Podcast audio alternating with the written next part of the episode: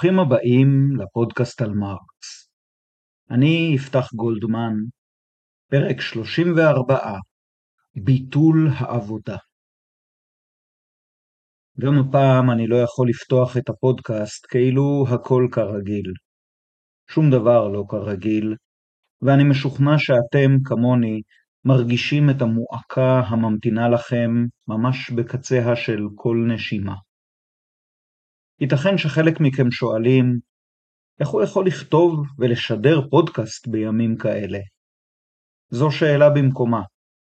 אלא שכמובן, אם אתם שומעים את דבריי, אתם אמורים להיות מסוגלים להשיב על השאלה איך אתם יכולים להאזין לפודקאסט בימים כאלה. כמה מכם כתבו לי שהפודקאסט על מרקס הוא עבורם איזו הפוגה זמנית ושברירית מפני זוועות המציאות. כך הוא גם עבורי, ואולי זה הסבר מספק. מכל מקום, הקשיים הטכניים שפירטתי בפרק הקודם עדיין בתוקף. אתם מקבלים את הפרק הזה באיכות הקלטה ביתית. לעומת זאת, העורך המסור שלי יאיר סיטבון הבטיח לערוך לי אותו, אז אני מקווה שיהיה בסדר.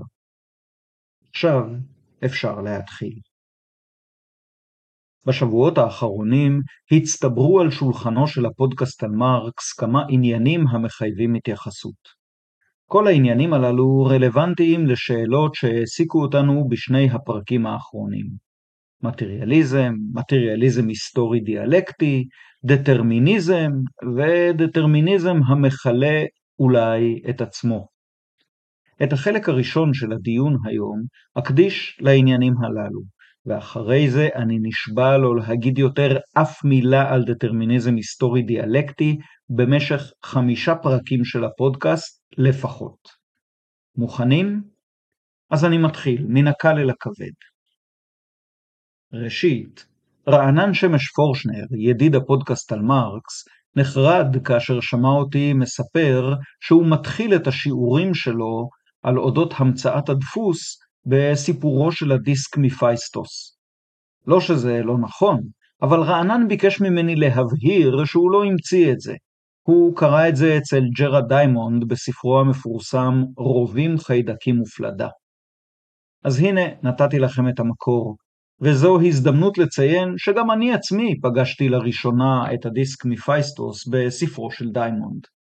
אז גם אני וגם רענן איננו מקוריים. האם ג'רד דיימונד מקורי? אני לא יודע, וזה גם לא כל כך חשוב בעיניי. בענייני מקוריות, אני חסיד נלהב של עמדתו של יוצר הקולנוע ג'ים ג'רמוש. עד כדי כך נלהב, שאקרא לכם את הדברים שאמר. או לפחות האינטרנט אומר שהוא אמר את זה בכתב העת MovieMaker Magazine בשנת 2004. תרגמתי את זה לעברית כמובן.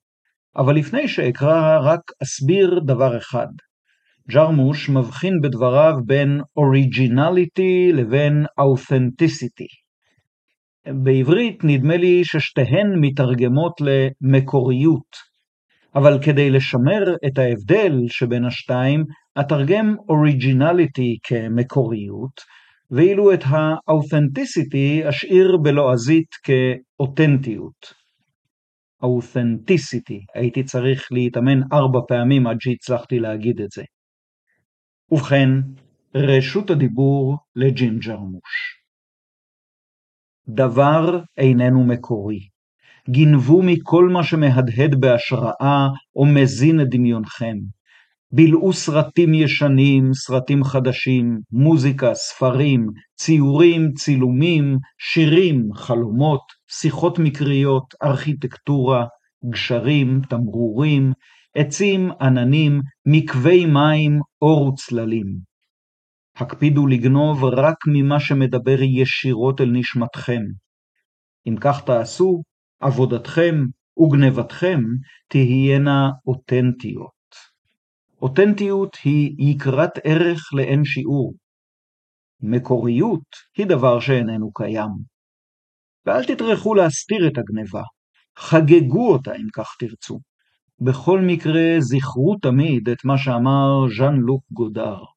לא חשוב מניין לקחתם משהו, אלא לאן אתם לוקחים אותו? סוף ציטוט. אמן ואמן. עניין שני בפרק ה-31 אמרתי בטעות שפירוש המילה פיזיס ביוונית עתיקה היא גוף. זו טעות חמורה שהייתי צריך להימנע ממנה. פירוש המילה פיזיס הוא טבע. העמידני על טעותי המאזין נדב בירן, שהתגלה כעוד ידיד חשוב של הפודקאסט על מרקס, וזה מביאנו אל העניין השלישי שעליי לדבר עליו. עניין שלישי, עבודת הדוקטורט של מרקס. נדב בירן, כך גיליתי, עוסק בפילוסופיה של העת העתיקה. לכאורה זה לא אמור להיות קשור למרקס, שאומנם חי לפני יותר ממאה שנה, אבל בכל זאת הוא לא פילוסוף עתיק. אבל מרקס עצמו היה דוקטור לפילוסופיה עתיקה. בגיל 23 הוא עשה דוקטורט בהתכתבות, העבודה שלו עסקה בהבדלים שבין הפילוסוף הקדום דמוקריטוס והפילוסוף הרק קצת פחות קדום אפיקורוס. דמוקריטוס היה הראשון שהציע את הרעיון שהעולם כולו עשוי מאטומים. דמוקריטוס היה בן זמנו של סוקרטס המפורסם, ואפיקורוס מאוחר לשני אלה ב-60 או 70 שנים.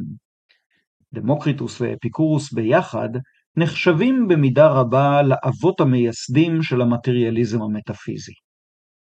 וכאן אני חוזר לנדב בירן שעשה אחד ועוד אחד ועוד אחד, ואמר כך: מרקס פיתח השקפת עולם שתלמידיו קראו לה מטריאליזם היסטורי. אבל עוד לפני כן הוא כתב דוקטורט על שני פילוסופים קדומים שהיו מטריאליסטים מטאפיזיים, אז מעניין לראות מה מרקס הצעיר כתב עליהם שלוש או ארבע שנים לפני שהתחיל לפתח את תורתו שלו. נדב הלך ועשה את מה שאני עצמי לא הייתי מעלה על דעתי לעשות. הוא קרא את עבודת הדוקטורט של מרקס, ואז שלח לי מכתב מפורט, שבו אמר בין השאר כך, וזה עדיין לא ציטוט אלא רק מה שאני הבנתי מדבריו. ראשית, בנוסח הרשמי של כל כתבי מרקס חסרים שני פרקים מעבודת הדוקטורט. כל חובבי תיאוריות הקונספירציה רוצו אל המקלדת.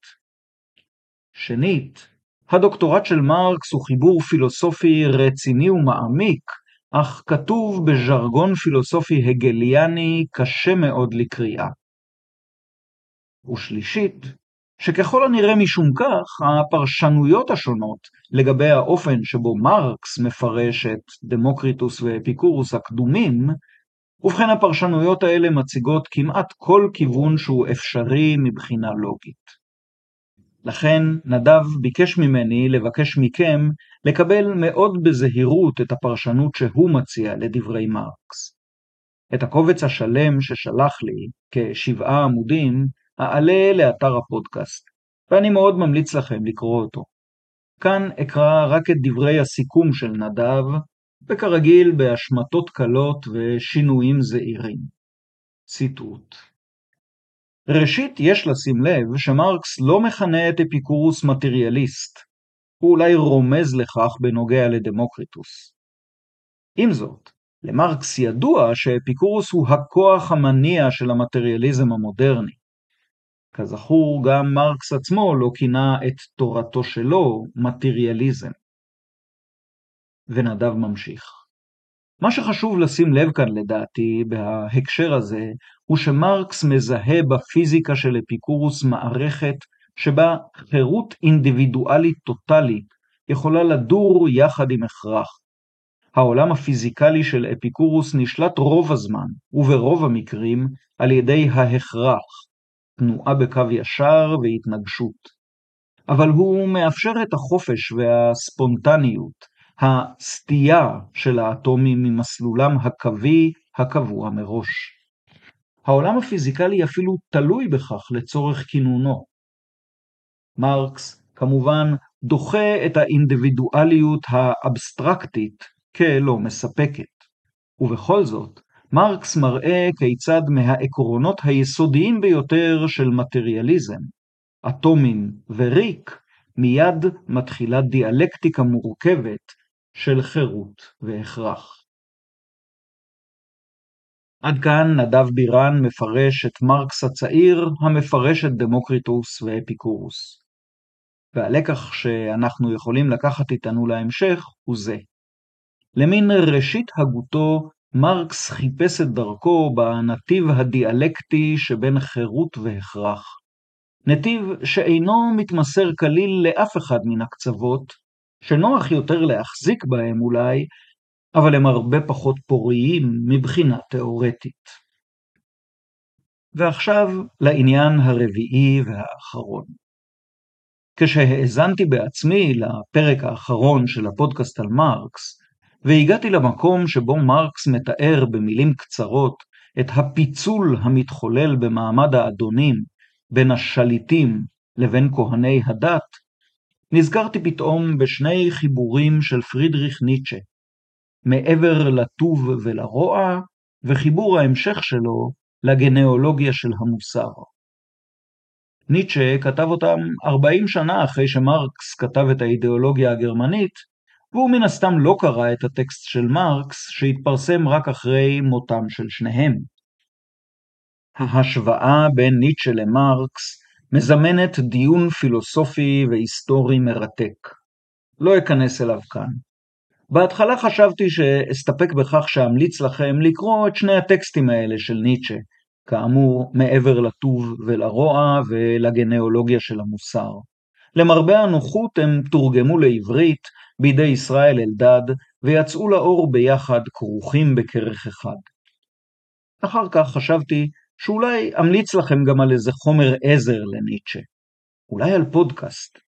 תופתעו לדעת שזו לא תופעה מאוד נפוצה להקדיש פודקאסט לפילוסוף. יש ברחבי הרשת כמובן המון פודקאסטים על פילוסופיה, אבל אני לא מצאתי פודקאסט המוקדש כולו לאפלטון למשל, או לעמנואל קאנט, או לשופנהאואר, או לאריסטו וכן הלאה. לא מצאתי פודקאסטים כאלה כשחיפשתי בעברית, אבל גם לא כשחיפשתי באנגלית.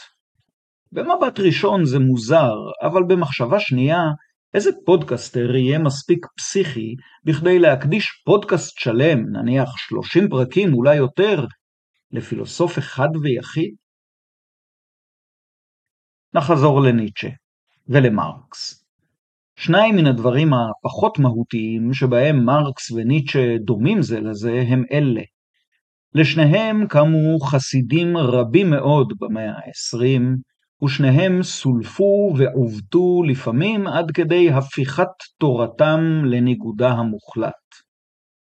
מרקס הפך פופולרי בקרב תנועות פוליטיות, בעוד שניטשה השפיע בעיקר על הלך רוח אקדמי או ספרותי בארצות המערב. שתי העובדות האלה ביחד הספיקו לי כדי לומר כך: אם יש פילוסוף אחד שמוקדש לו פודקאסט שלם באנגלית, זה לבטח יהיה ניטשה. והפודקאסט הזה יהיה בטח גרוע ומלא טעויות וסילופים ושטחי. ובכן, אני שמח לומר שמבין שתי ההשערות הללו שלי, הראשונה התגלתה כאמיתית, והשנייה כשקרית. יש אכן פודקאסט באנגלית המוקדש להגותו של ניטשה, והוא לא גרוע כלל וכלל, הוא אפילו מומלץ. אני אשים קישור באתר, אתם יכולים כמובן לחפש בעצמכם באפליקציות, רק ודאו שאתם מגיעים לפודקאסט הנכון, זה שמגיש קיגן קג'לצן, לא, זה שמגיש קיגן קיילצן מן הסתם, אני מקווה שאני מבטא את השם שלו נכון, קיגן, K-E-E-G-A-N, ושם המשפחה K-J-E-L-D-S-E-N, מן הסתם איזה צאצא של ויקינגים דנים או נורבגים, אבל לפי מה שהצלחתי לברר באינטרנט הוא נולד בטקסס. היגן הוא גיטריסט רוק ואיש הגות שמאוד אוהב את ניטשה, ומציג את הפילוסוף הזה על כל מורכבותו וחידתיותו. אם יש לכם זמן וכוח רק לפרק אחד, הפרק ה-11 של הפודקאסט, שכותרתו Master and Slave Morality, רלוונטי לענייננו. אני חושב שאין לי שום מילת ביקורת על מה שקיגן אומר בפרק הזה, אלא אולי רק על מה שהוא לא אומר. מכל מקום, דיון עומק בניטשה, או אפילו דיון משווה בין ניטשה למרקס, הוא מעבר לאופק מטרותיו של הפודקאסט על מרקס. זהו. אחרי יותר מ-1200 מילים פיניתי את השולחן ממה שנשאר עליו בעקבות הפרקים הקודמים. אנחנו מגיעים סוף סוף לנושא שלנו. אני מזכיר שבמסגרת העונה השנייה של הפודקאסט על מרקס, אנחנו חוזרים לטפל במושגים שכבר דיברנו עליהם בעונה הראשונה, פחות או יותר על פי הסדר שבו הם הופיעו במהלך הפודקאסט. היום אנחנו ניגשים לעסוק, או לעסוק מחדש, בעבודה המנוכרת. זה יהיה פרק אופטימי ביסודו, משום שאנחנו הולכים לדבר בו על אופנים שונים שבהם אפשר לבטל את העבודה המנוכרת, או את הניכור בתהליך העבודה, אולי אפילו לבטל את העבודה עצמה. בתחילת הקיץ שחלף, הוזמנתי להרצות בפני קבוצה של אנשי תנועת דרור ישראל בבית הנוער העובד והלומד ברחוב קיבוץ גלויות בתל אביב. אני מודה שהתרגשתי. המבנה הלבן הזה היה פעם מקום העבודה שלי, אבל כבר בערך שלושים שנה לא ביקרתי בו. אני לא זוכר על מה בדיוק הייתי אמור להרצות, וממילא אני גם לא בטוח שהרציתי על מה שסוכם, אבל אני כן בטוח בדברים הבאים. ראשית, שהייתה שיחה מעניינת מאוד, שנית, שדיברתי, או דיברנו, על מושג ביטול העבודה אצל מרקס. את עיקרי הדברים שאמרתי שם אנסה להציג כאן היום. ובכן, על מה אנחנו מדברים כשאנחנו מדברים על ביטול העבודה? וליתר דיוק, על מה מרקס מדבר, או בעצם למה מרקס רומז כשהוא רומז לנו על האפשרות של ביטול העבודה. חלק מכם בוודאי נזכרים עכשיו במושג אופהבונג או ביטול דיאלקטי. הצגתי את החיה המוזרה הזאת בפרק ה-20 של הפודקאסט על מרקס, אבל זה היה לפני כמעט שנה. אז נעשה חזרה קצרה. בשפה הגרמנית המילה אופהבונג פירושה ביטול, שם הפועל הוא אופהבן, כלומר לבטל, אבל אנחנו נישאר עם שם העצם, כדי לא לסבך דברים אם לא חייבים. אבל את הסיבוכים הבאים אני חייב להגיד, כי הם לב העניין. בגרמנית, אופהבונג זה לא רק ביטול. בהקשר אחר, יכולה המילה לציין גם שימור, שזה פחות או יותר ההפך מביטול, ובעוד הקשר שלישי, היא יכולה לציין הסגבה או שדרוג, או הבאה אל מדרגה גבוהה יותר. לא מאמינים לי? תחפשו בוויקיפדיה. אני גם שאלתי כמובן את ידידי GPT והתפוצצתי מצחוק כשקראתי את התשובה. הפילוסוף גאורג פרידריך וילהלם הגל הפך את האופהבונג למושג מרכזי בתורתו. וכאן העיקר, הגל שימר במושגו את כל שלוש המשמעויות שלו ביחד, זה הולך בערך כך. האופהבונג מתחולל בהיסטוריה כאשר תופעה מסוימת נפטרת מצורתה האקטואלית, זה הביטול, משמרת את תוכנה המהותי, זה השימור, ומרוממת את התוכן הזה אל צורת ביטוי חדשה, מלאה וגבוהה יותר. זו ההסגבה. מרקס קיבל את התעלול הזה מהגל, ולמרות שבמקומות רבים בכתביו מרקס כותב על הפילוסופיה של הגל בלשון אירונית, הנה לפחות במקום חשוב אחד הוא מצהיר שהוא תלמידו של אותו הוגה גדול מחשבה. ואף מוסיף ואומר כי הגל היה, ציטוט, הראשון שתיאר תיאור מקיף ומודע של צורות תנועתה הכלליות של הדיאלקטיקה. סוף ציטוט. זה לקוח מהסוף דבר שהוסיף מרקס למהדורה השנייה של הכרך הראשון של הקפיטל. היום הסוף דבר הזה נחשב לחלק אינטגרלי של הקפיטל, והוא מודפס בכל המהדורות ובכל הלשונות שאליהן תורגם החיבור, גם בעברית. מרקס הפנים את השיטה הדיאלקטית ויישם אותה באופן מזהיר בכתביו. כמו פרשני מרקס ומורי מרקס אחרים, גם אני הייתי שמח אילו טרח מרקס להרחיב קצת בעניין החוב שלו להגל. הוא בהחלט יכול היה להיות קצת פחות קפוץ בדברי הוקרה והכרה. אבל זה לא הנושא שלנו. הנושא שלנו הוא השימוש של מרקס באופהבונג ההגליאני. מרקס השתמש בו בכמה עניינים חשובים. המתרגמים של מרקס לעברית בחרו בדרך כלל לכתוב ביטול בכל מקום שמרקס כתב אופהבונג, ואפשר שבצדק עשו כך.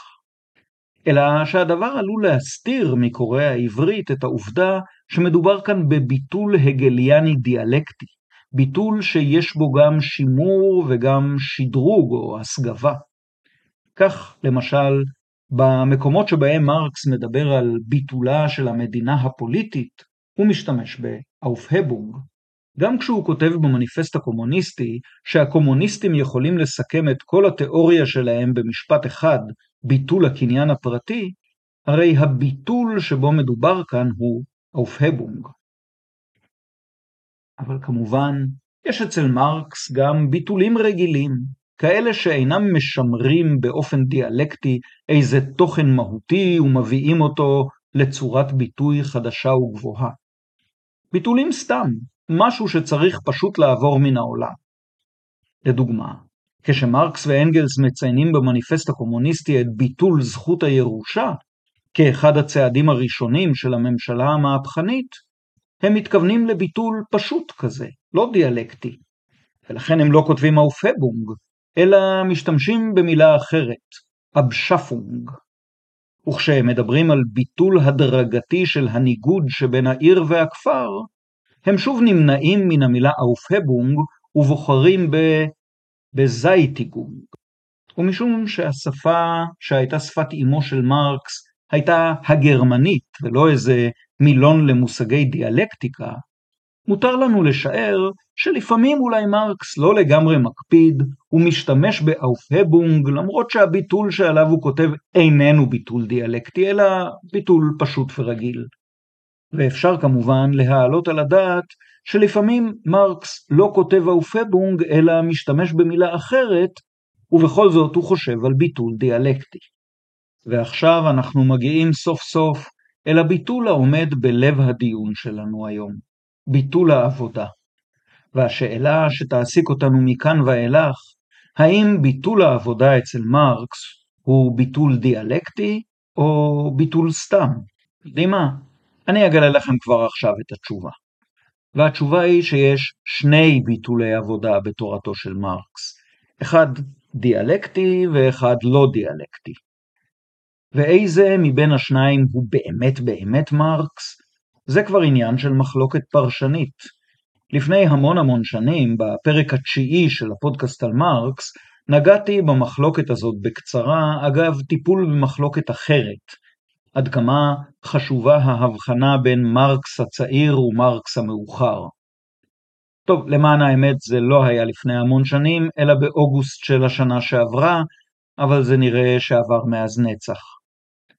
בכל אופן אני מציין זאת רק בגלל שאולי מה שאגיד להלן יישמע לכם איכשהו מוכר או יזכיר לכם משהו.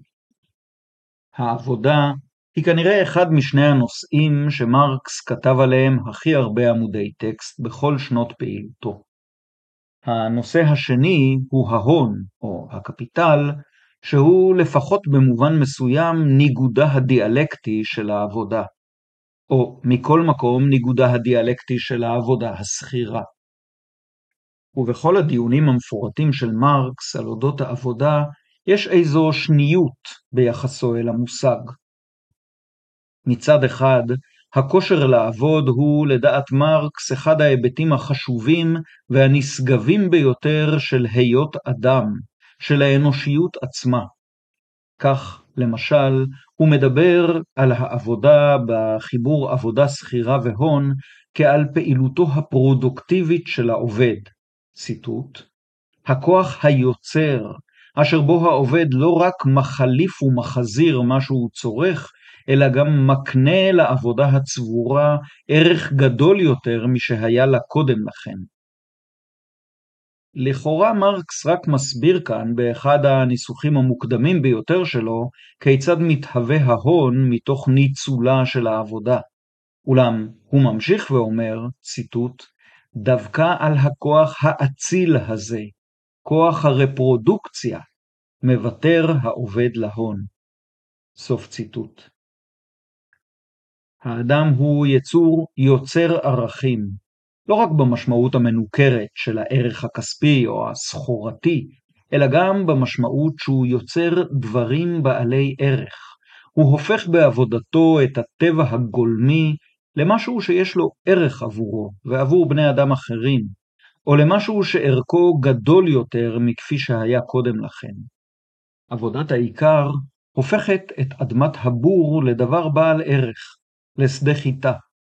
עבודת הנגר הופכת את בול העץ לדבר בעל ערך, לכיסא או לשולחן. האדם הוא בריאה חברתית בהיותו יצור היוצר ערכים בעבודתו. הן משום שתוצר עבודתו משמש גם אנשים אחרים, כלומר שתוצר העבודה הוא כביכול התרומה של העובד לכלל החברה, והן משום שתהליך העבודה עצמו מתחולל בצוותא עם אנשים אחרים. אבל כמובן, מרקס הכיר היטב גם את צידה האחר של העבודה, העבודה המשעבדת את האדם, מפרכת את הנפש ואת הגוף, עבודה מונוטונית, משעממת, קשה ומייאשת, עבודה שנמלטים ממנה כמו ממגפה, אם רק אפשרי הדבר, עבודה שגמולה זעום, עבודה שאינה מפתחת את האדם, אינה כשלעצמה ביטוי של חיי האדם, אלא היא הקורבן שהאדם מקריב על מנת שיוכל לחיות, ואלו גם חיים בזויים, קשים ועלובים. הנה כך הוא כותב כבר בפרק על העבודה המנוכרת מכתבי היד הכלכליים-פילוסופיים של 1844. ציטוט העבודה היא חיצונית לפועל, דהיינו שאין היא שייכת למהותו, ושכתוצאה מכך אין הוא מגשים את עצמו באמצעות עבודתו, אלא מכחיש את עצמו על ידיה. אינו חש בטוב בשעת עבודתו, אלא מרגיש עצמו אומלל. אינו מפתח אנרגיה גופנית ורוחנית חופשית, אלא מסגף את גופו והורס את רוחו. לכן חש עצמו הפועל אצל עצמו רק לאחר העבודה, ובעת העבודה הוא מחוץ לעצמו. כשהוא ברשות עצמו, אין הוא עובד, וכשהוא עובד, אין הוא ברשות עצמו. היא לכן אין עבודתו בגדר עבודה חופשית, אלא היא כפויה, עבודת כפייה. היא לכן אין היא סיפוק צרכיו, אלא רק אמצעי לשם סיפוק הצרכים שמחוצה לה. אופייה המנוכר מתבלט אפוא בכך שמרגע שאין יותר הכרח פיזי או כל הכרח אחר, נמלטים מן העבודה כמו מן המגפה. סוף ציטוט. אלך כאן בעקבות שלמה אבינרי שתרגם את כתבי השחרות. אבינרי הוסיף לקטע שקראתי זה עתה הערה שבה הביא ציטוט דומה, פסקה שכתב מרקס בחיבורו עבודה שכירה והון, שנכתב כמה שנים אחר כך. נדמה לי שאבינרי צדק כשהפנה את תשומת לב הקוראים לקטע מעבודה שכירה והון, שכמו מציג ביחד את ההיבטים החיוביים של העבודה ואת מאפייניה השליליים, המנוכרים והדכאניים. נקרא פעילותו של כוח העבודה, היינו העבודה, היא פעילות חייו של העובד עצמה. היא הגילוי של חייו שלו. ואת פעילות חייו זו הוא מוכר לזולתו כדי להבטיח לעצמו את אמצעי המחיה הדרושים לו. משמע, פעילות חייו אינה בשבילו אלא אמצעי כדי שיוכל להתקיים. הוא עובד כדי שיוכל לחיות. הוא עצמו אינו מעלה את עבודתו בחשבון חייו. אדרבה, היא קורבן חייו. סחורה היא שהוא מכרה לזר, ולכן תוצרת פעילותו אינה גם תכלית פעילותו. בשביל עצמו מייצר הוא לא את המשי שהוא הורג, לא את הזהב שהוא קורא מן המכרה בהרים, לא את הארמון שהוא בונה. הדבר שהוא מייצר לעצמו הוא שכר העבודה, והמשי, הזהב, הארמון, נהפכים בשבילו לכמות מסוימת של אמצעי מחיה, אולי לחולצת כותנה, למטבע נחושת ולדירה במרתף. והפועל, אשר במשך 12 שעות הוא הורג, תובע, קודח, חורט, בונה, גורף, מחטט אבנים, מחטף וכדומה, כלום 12 שעות אלו של הריגה, תביעה, קדיחה, חריטה, בנייה, גריפה, כיתות, נחשבות בשבילו כגילוי חייו? כחיים? להפך, החיים מתחילים בשבילו רק משעה שפוסקת פעילותו זו, רק ליד השולחן, על ספסל הפונדק, במיטה. ואילו ל-12 שעות העבודה אין בעיניו שום טעם בתורת הריגה, תביעה, קדיחה וכדומה, אלא בתורת השתכרות, המביאתו אל השולחן, אל ספסל הפונדק, אל המיטה. אילו הייתה תולעת המשי טובה את חוטיה כדי שתוכל להתקיים בתורת זחל, כי אז הייתה פועלת שכירה של ממש. סוף ציטוט.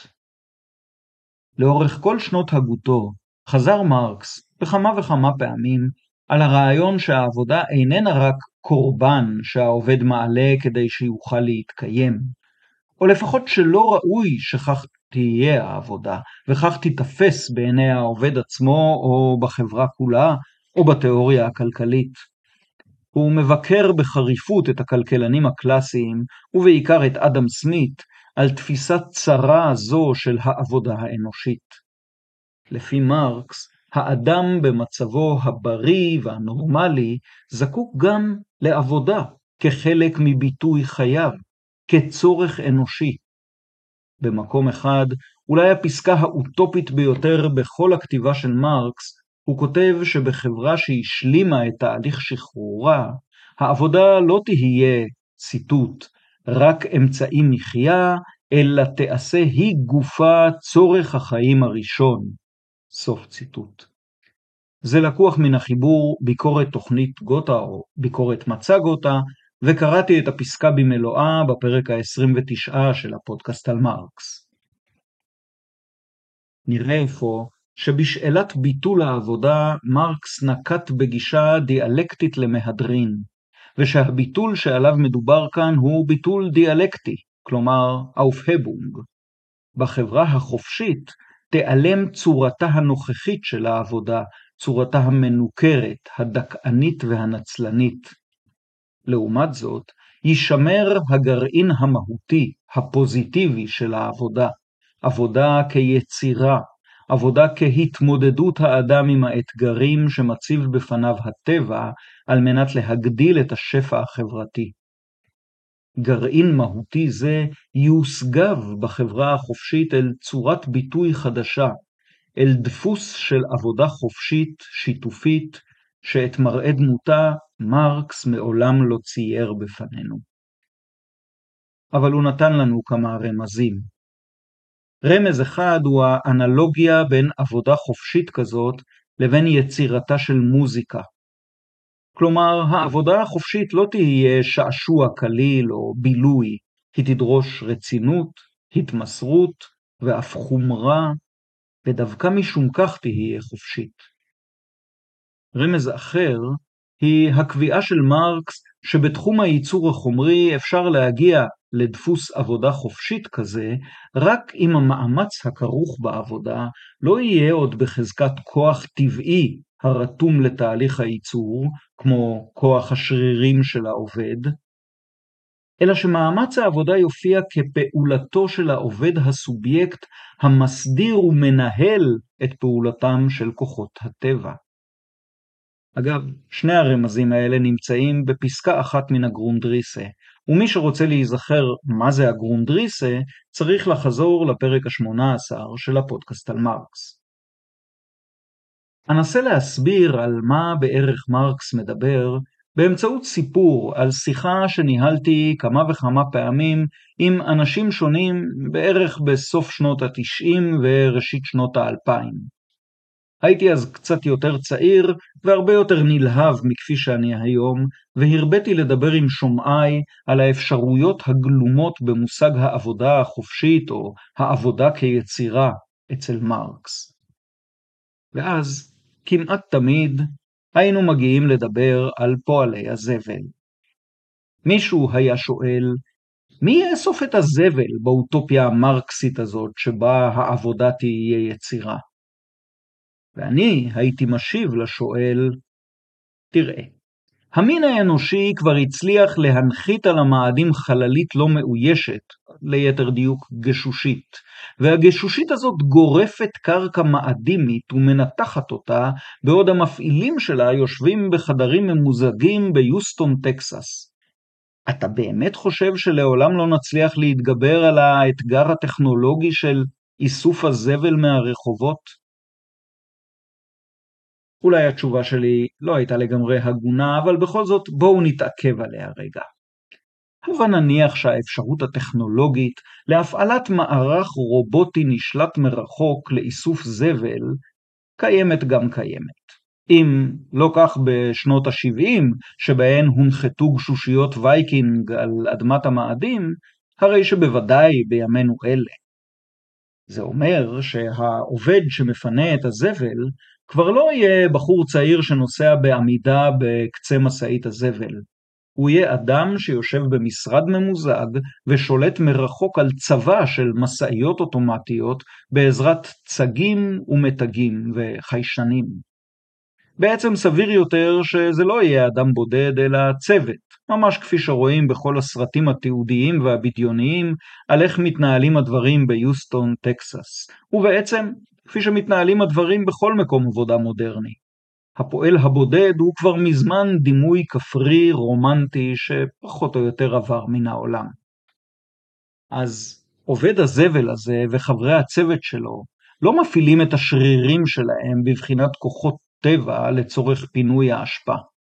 הם חולשים על מערך מורכב של גופים מלאכותיים כמו משאיות וחומרים טבעיים כמו דלק, הם מארגנים ומסדירים כך את פעולתם של כוחות טבע רבים לשם ביצוע המשימה שלהם. האם בתנאים אלה אנחנו עדיין מתקשים לדמיין איך יכולה עבודת פינוי הזבל להיות מעניינת, מאתגרת ומפתחת? כמובן שגם בתנאים משופרים אלה היא יכולה להיות מונוטונית, מעצבנת ולא נעימה, במיוחד אם הממונה הישיר שלך הוא אידיוט. מה שחשוב לטיעון שלי, בעצם לטיעון של מרקס, הוא שהיא לא חייבת להיות כזאת. החללית הראשונה שנחתה בהצלחה על המאדים הייתה וייקינג 1. וקצת אחרי הנחיתה התקלקלה הזרוע הרובוטית שלה, שהייתה חיונית על מנת לגרוף אשפה, אה, סליחה, על מנת לגרוף דגימות קרקע מאדמת המאדים. ברור שאי אפשר היה פשוט לגשת לשם עם פטיש ומברגה ולתקן את התקלה. האנשים היקרים בנאסא עבדו במשך חודש שלם עד שמצאו פתרון. חברי הטוב GPT הסביר לי שהמהנדסים הדביקו מעין טלאי תוכנה אשר תכנת מחדש את מחשב הגשושית, כך שיעקוף סנסור מסוים שיתקלקל ושידר מסר שגוי על אודות הזרוע הרובוטית. כאמור, זה לקח להם חודש, אבל לבסוף, במרחק 200 מיליון קילומטרים מהם, הזרוע חזרה לפעולה. בואו ננסה לדמיין כמה מחשבה, כמה יצירתיות, כמה מאמץ קבוצתי וכמה תסכול חוו המהנדסים במהלך החודש ההוא, והכל כדי לתקן זרוע. זה ממש דומה למה שמרקס כתב על העבודה החופשית. על העבודה החופשית באמת, שהיא רצינית ודורשת מאמץ וקפדנות כמו הלחנתה של מוזיקה למשל. ועכשיו, לסיום, נחזור אל צוות פינוי האשפה העירונית במערכת הרובוטית הממוחשבת שהמצאנו ונשאל, האם לא סביר שהם יוכלו לחוות בעבודתם משהו דומה למה שחווים צוותי המהנדסים בנאס"א? המרקסיסט היהודי-גרמני הרברט מרקוזה ערך בשנת 1967 הרצאה באוניברסיטה החופשית של ברלין שכותרתה "קץ האוטופיה". 1967 זו השנה שבה נולדתי, אז זה כנראה היה די מזמן. הוא דיבר בהרצאה על האפשרות הריאלית של ביטול העבודה. בסוף ההרצאה נשאלה שאלה מן הקהל, ציטוט: יש שמשתמע מדבריך כאילו ביטול העבודה מסתבר לך בבחינת שחרור מהסבל שבעבודה, ויש שאתה תופס כאילו את השחרור מהסבל שבעבודה כביטולה הגמור של העבודה. בהמשך הזכיר השואל רעיון סוציאליסטי ישן נושן על כך שבחברה חופשית העבודה תדמה למשחק. השואל ייחס בטעות את הרעיון הזה למרקס. האמת היא שזה רעיון של שרל פוריה, ומרקס ביקר את פוריה בדיוק על כך, במקום שבו הסביר שעבודה חופשית באמת לא תדמה למשחק, אלא ליצירה אומנותית כגון הלחנה. נדמה לי שדברי התשובה של מרקוזה מתאימים מאוד להשמיעם כאן כסיכום לדיון שלי. ציטוט היו לי לבטי מינוח, אומר מרקוזה, בין ביטולה של העבודה לבין ביטולה של העבודה המנוכרת. משום שבשגרת הלשון אין כמעט הבדל בין מושג העבודה ומושג העבודה המנוכרת. מכאן ההצדקה להתלבטות הזאת. שכן מאמין אני כי מן הנמנע לבטל את העבודה כשלעצמה. לטעון את ההפך מזה משמע לכפור במה שמכונה אצל מרקס חילוף החומרים בין האדם והטבע. שליטה בטבע, שינוי הטבע ופיקוח עליו, והכנסת תמורה כלשהי בטיב הקיום על ידי עבודה, כל זה הוא בחזקת בלתי נמנע. העבודה החזויה בהיפותזה האוטופית שונה שוני מופלג מן העבודה במובנה הנוכחי. ואילו החפיפה הזאת של עבודה ומשחק אינה מקדמת אותנו הרחק מתחום האפשרויות הקיימות. סוף ציטוט. חפשו את קץ האוטופיה בספרייה הסוציאליסטית של רענן שמש פורשנר, ידיד הפודקאסט על מרקס. אני גם אשים קישור באתר. לאמור בשגרת הדיבור שלנו, כמעט תמיד כשאנחנו אומרים עבודה, אנחנו מתכוונים לעבודה מנוכרת. ברור שביטול העבודה המנוכרת אין פירושו ביטול העבודה המהותית, או המהות הפוזיטיבית של העבודה, ומכל מקום תיאור העבודה החופשית כמשחק לא מקדמת אותנו הרבה, ומקשה עלינו לזהות את הפוטנציאלים הרדיקליים של ביטול העבודה. הרברט מרקוזה בשנת 1967 כבר הכיר אפשרויות טכנולוגיות אדירות עוצמה לשינוי אופייה של העבודה האנושית. אפשרויות טכנולוגיות אדירות פי כמה מאלה שהכיר מרקס ב-1867, שנת פרסום הקפיטל. וכמובן, אנחנו, בשנת 2023, מכירים אפשרויות גדולות פי כמה מאלה שהכיר מרקוזה. פסענו עד כה בנתיב המסביר את ביטול העבודה אצל מרקס כאופהבונג דיאלקטי. אבל אמרתי קודם שיש אצל מרקס שני ביטולים של העבודה, האחד דיאלקטי והאחד לא דיאלקטי. לפיכך, היה עליי עכשיו לפתוח בהסבר הביטול השני, הלא דיאלקטי של העבודה. אבל מבט אל מד הזמן שבתוכנת ההקלטה שלי מראה שהפרק הזה כבר ארוך מכדי לפתוח עכשיו נושא חדש, ועוד נושא מרכזי חדש. עכשיו תגידו, נו בוודאי, אבל אם לא היית מקשקש כל כך הרבה על ג'ים ג'רמוש ועל דמוקריטוס אה, ואפיקורוס וניטשה ועל החללית וייקינג והרובוט שלה, היה נותר לך שפע של זמן. על כך אענה לכם במילותיו של הפודקאסטר דיוויד קרות'ר, בעל ה-The History of England Podcast. קרות'ר היה צריך להסביר למאזינים מדוע הוא מלווה את ריצ'רד לב הארי במסע הצלב שלו לארץ הקודש, למרות שאין כמעט קשר בין מסע הצלב הזה לבין נושא הפודקאסט, כלומר ההיסטוריה של אנגליה. על כך אמר קרות'ר, It's my podcast, and I'll crusade if I want to. עד כאן הפודקאסט על מרקס להיום. בפרק הבא נדבר על הביטול הלא דיאלקטי של העבודה, על פי מרקס, ולא רק על פי מרקס. תודה ליאיר סידבון על המוזיקה ועל הפקת הסאונד. תודה לכם שהאזנתם.